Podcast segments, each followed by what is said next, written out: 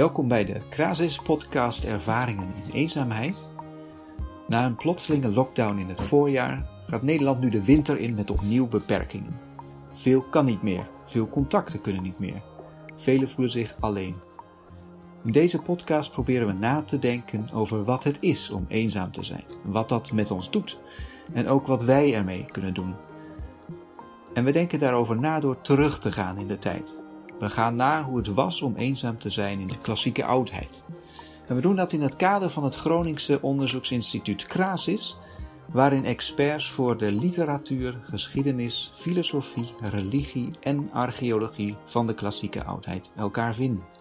We hebben het vandaag over een grote groep mensen die eigenlijk altijd in hun huis opgesloten waren. We spreken over de stem van vrouwen in de oudheid en over de bedreigende kanten van eenzaamheid. Mijn naam is Albert Joosten, docent antieke filosofie. En vandaag spreek ik met Jacqueline Klooster. Zij is universitair docent Griekse taal en letterkunde in Groningen. Dag Jacqueline. Dag Albert. Als we terugkijken in de geschiedenis, waren er mensen voor wie zo'n radicale isolatie eigenlijk een heel alledaagse ervaring was, toch? Ja, je zou kunnen zeggen dat het voor veel vrouwen uit klassiek Athene eigenlijk een alledaagse sensatie was om opgesloten te zijn in hun eigen huis. Ja, ze mochten eigenlijk uh, als fatsoenlijke vrouw de drempel uh, niet over. Het was uh, de bedoeling dat ze zoveel mogelijk binnenshuis bleven. En hoe weten we dat? Hoe, kunnen we daar, hoe zijn we daarachter gekomen? Ja, ten eerste is dat iets wat je uit documentaire teksten kunt opmaken. Hè. Bijvoorbeeld, je hebt dan die pleidooien bij rechtszaken, zoals door de schrijver Lysias geschreven, waarin je uh, verhalen hebt over. Hè, is dan een uh, man die zegt dat, zijn huis, dat er in zijn huis is ingebroken door een uh, tegenstander, een onverlaat.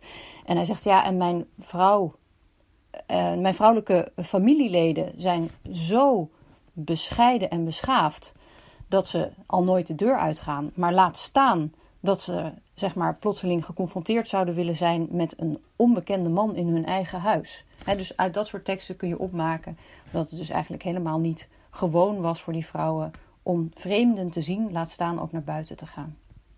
Dus dat soort, uh, dat soort verhalen. En ook bijvoorbeeld als je kijkt naar uh, hoe Pericles spreekt in zijn beroemde lijkreden in het tweede boek van Thucydides over ja, wat, wat er van vrouwen eigenlijk verwacht wordt ten aanzien van nou ja, gedrag uh, in de oorlog, dan, dan zegt hij ja, tot vrouwen, als ik die ook nog moet noemen, wil ik eigenlijk alleen vooral zeggen: hoe minder er over u gesproken wordt, hoe beter het is. Met andere woorden, maak jezelf onzichtbaar. Blijf zoveel mogelijk uit het zicht. En dat bestond dus voor een groot deel uit binnenblijven. Ja, dus als je het goed doet, ben je onzichtbaar. Uh... Ja, dan ben je eigenlijk onzichtbaar. En dat, het gold waarschijnlijk niet voor alle lagen van de bevolking in, uh, in dezelfde mate. Hè? En ook niet voor alle vrouwen in Athene.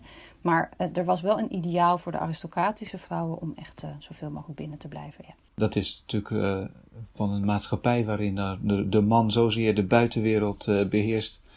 En de vrouw dan in de privésfeer teruggedrongen is. Dat, dat zal heel, heel eenzaam geweest zijn voor die vrouwen. Weten we daar, weten we daar iets van, van hun perspectief, hun ervaringen daarvan? Um, nou ja, we weten het niet zozeer doordat vrouwen daar zelf nou zoveel over op schrift stelden. Want um, het grappige is, je zegt het eigenlijk zelf al. Hè, de buitenwereld werd toch eigenlijk wel, het publieke bestaan werd heel erg door mannen beheerst. En dat hield eigenlijk ook wel in het publieke debat voor zover dat zeg maar, op schrift werd gevoerd of in literatuur. dus een vrouw die literator is, dat zie je eigenlijk uh, maar zelden. Maar natuurlijk kennen we wel allerlei uh, personages uit de literatuur, vrouwelijke personages die zich daarover uitspreken. En een heel mooie tekst over dit thema kunnen we vinden in Euripides' tragedie Medea uit 431 voor Christus, waarin het verhaal van de Colchische prinses Medea wordt verteld die uit liefde voor uh, Jason, een Griekse held, ja, meegegaan is met hem naar Griekenland, naar Korinthe, waar ze als zijn vrouw met hem leeft.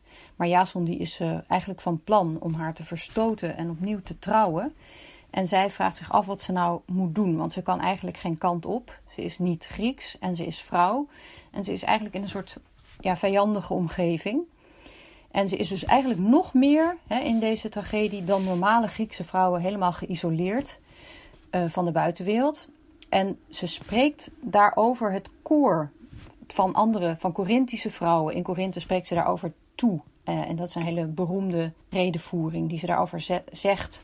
Hè, dan zegt ze hoe de positie van vrouwen, hoe zij die eigenlijk ziet en hun isolatie. Kun je dat ook als voorbeeld even proefje van geven? Uh, ja hoor, ja, ik heb daar wel een, uh, een aardige vertaling van, die overigens stamt van de uh, mooie website coxcolumn.nl, bijgehouden door een docent, oud-docent inmiddels volgens mij van het Murmelius Gymnasium. En die heeft een mooie ja, soort werkvertaling eigenlijk daarvan gemaakt. En wat Medea dan zegt tegen dat koor, en ze probeert ze natuurlijk eigenlijk ook hè, ja, aan te spreken op het feit dat zij ook vrouw zijn en ze probeert hun sympathie te winnen, is het volgende. Van alles wat bezield is en gedachten heeft, zijn wij vrouwen het ongelukkigste schepsel. Eerst moeten we voor een overmaat aan geld een man kopen en hem dan als baas van ons lichaam krijgen, want dat kwaad is nog erger dan het eerste. En dit is het grootste strijdpunt. Krijg je een slechte of een goede? Want een scheiding geeft vrouwen een slechte naam en het is niet mogelijk je man af te wijzen. Als je dan in een nieuwe omgeving met andere regels aankomt, moet je helderziend zijn. Van huis uit heb je niets geleerd. Om te weten hoe je het best met je bedgenoot omgaat. Als wij ons daar goed voor uitsloven en manlief zonder morren het juk van het samenwonen draagt, gelukkig leven. Lukt dat niet, dan kun je beter doodgaan. Wanneer een man zich aan zijn huisgenoten binnen ergert, gaat hij de deur uit en verdrijft zo zijn ergernis. Hij wendt zich tot een vriend of een leeftijdsgenoot. Maar wij zien maar één gezicht, noodgedwongen. Men zegt van ons dat wij gevaarloos leven leiden in huis, terwijl zij vechten met een lans. Een foute gedachte, want drie keer aan een veldslag meedoen wilde ik liever dan één keer een kind te krijgen. Dat is uh, pittige kost, een krachtige, krachtige stem zo. Het is alsof ze direct uh, tot je spreekt uit zo lang geleden. Ja, dat vind ik ook altijd. Ik vind het altijd wel een heel uh, bijzondere tekst die eigenlijk, uh, ja, waarschijnlijk helaas voor veel vrouwen vandaag de dag nog steeds wel uh, vrij actueel is. Ja, ook het, echt een, het gevoel dat je, dat je geen kant op kunt eigenlijk. Nee, precies. En ik denk dat dat echt te maken heeft natuurlijk met ja, de ongelijkheid tussen mannen en vrouwen die ja, eh, gelukkig in onze maatschappij niet meer zo erg speelt, maar in heel veel uh, landen op de wereld natuurlijk nog steeds wel, uh, wel degelijk aanwezig is. Uh, daar kun je wel van alles bij voorstellen. Zo'n gesegregeerde samenleving. Ja, ja, ja zeker. Medea, ehm, Medea zelf is iemand met wie dit niet zo goed afloopt. Hè? Het is misschien ook wel vooraf geschaduwd hier in, in de, de woorden die ze daar, de duistere woorden die ze hier vindt. Ja, uh, de, de mythe van Medea is natuurlijk, bij, uh, zoals Euripides hem vertelt, dat uh, zij uiteindelijk ja, ja, niet, niet om kan gaan met de gedachte dat Jason haar verstoten heeft en een nieuw huwelijk wil beginnen. En ja, ze vindt dat zo'n ondraaglijke gedachte dat, dat dat betekent dat zij niet serieus wordt genomen. Daar komt het eigenlijk op neer. Uh, dat ze besluit uh, om haar kinderen en de kinderen van Jason dus ook uh, te doden. Om wraak te nemen op, op Jason. Dus ja, dat, dat loopt inderdaad wat je noemt slecht af, ja. ja, dus het is niet bepaald een, een, een typische stem die we horen, kun je wel zeggen. Nee, dat is denk ik zeker waar. Maar het grappige is, wat zij dus hier heel slim doet, is wel het typische lot uh, van de vrouw verwoorden. Hè, dat, zo zit het ook echt in die tragedie. Dat ze dus op die manier ook probeert om de sympathie van die andere uh, vrouwen te winnen. Terwijl haar situatie natuurlijk eigenlijk heel anders is. En terwijl zij ook eigenlijk een heel ander soort vrouw is dan uh, die Corinthische vrouwen in die tragedie. En ook waarschijnlijk een heel ander soort vrouw dan de Atheense man op de straat om zich heen zag. Ja. Ja, Oké, dus het is een, echt eerder een appel op uh, die gevoelens van uitwegloosheid uh, en, en, eenzaamheid van de, van de vrouw tot wie, wie zij spreekt. Da daar lijkt het wel op, want dit is wel echt haar manier om het koor aan haar kant te krijgen. En ze zegt ook later: Als ik mijn man zal gaan straffen, dan moeten jullie beloven dat je je mond dat je me niet verraadt. En het koor dat hier dus natuurlijk mee is gegaan, zegt dan oké, dat is goed. Wij, wij houden ons mond en wij staan aan jouw kant. En ze gaan steeds een stapje verder eigenlijk met Medea mee. En dat is ook eigenlijk het knappe van Euripides, want het koor ja, gaat mee met Medea. En je bent als, als publiek eigenlijk ook geneigd hè, om aanvankelijk sympathie met haar te hebben. En te denken, ja, dat is natuurlijk ook een, een verschrikkelijke positie waarin ze zich bevindt. En die isolatie hè, en het, het uitgestoten zijn en het geen kant op kunnen. En uiteindelijk vraag je je natuurlijk af, met wie heb ik nou eigenlijk zoveel sympathie gehad? Als zij dus zich ontpopt tot een soort ja, monsterlijke kindermoordenares, dan, dan, ja, dan, dan schrik je toch wel van het feit dat je daar eigenlijk zo ver mee bent gegaan.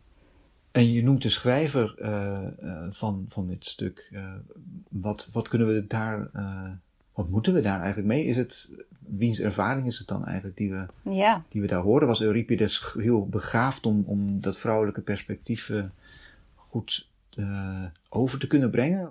Want wat, hoe, hoe ga je daar nou mee om? Hè? Dat dit beeld van een vrouw wordt neergezet door een man. Voor een publiek van mannen. En toch is dit iets uh, wat, wat wij toch herkennen hè, als, als een vrouwelijke stem. Dus ja, wat moeten we daar inderdaad mee? En wat bedoelde Euripides nou eigenlijk?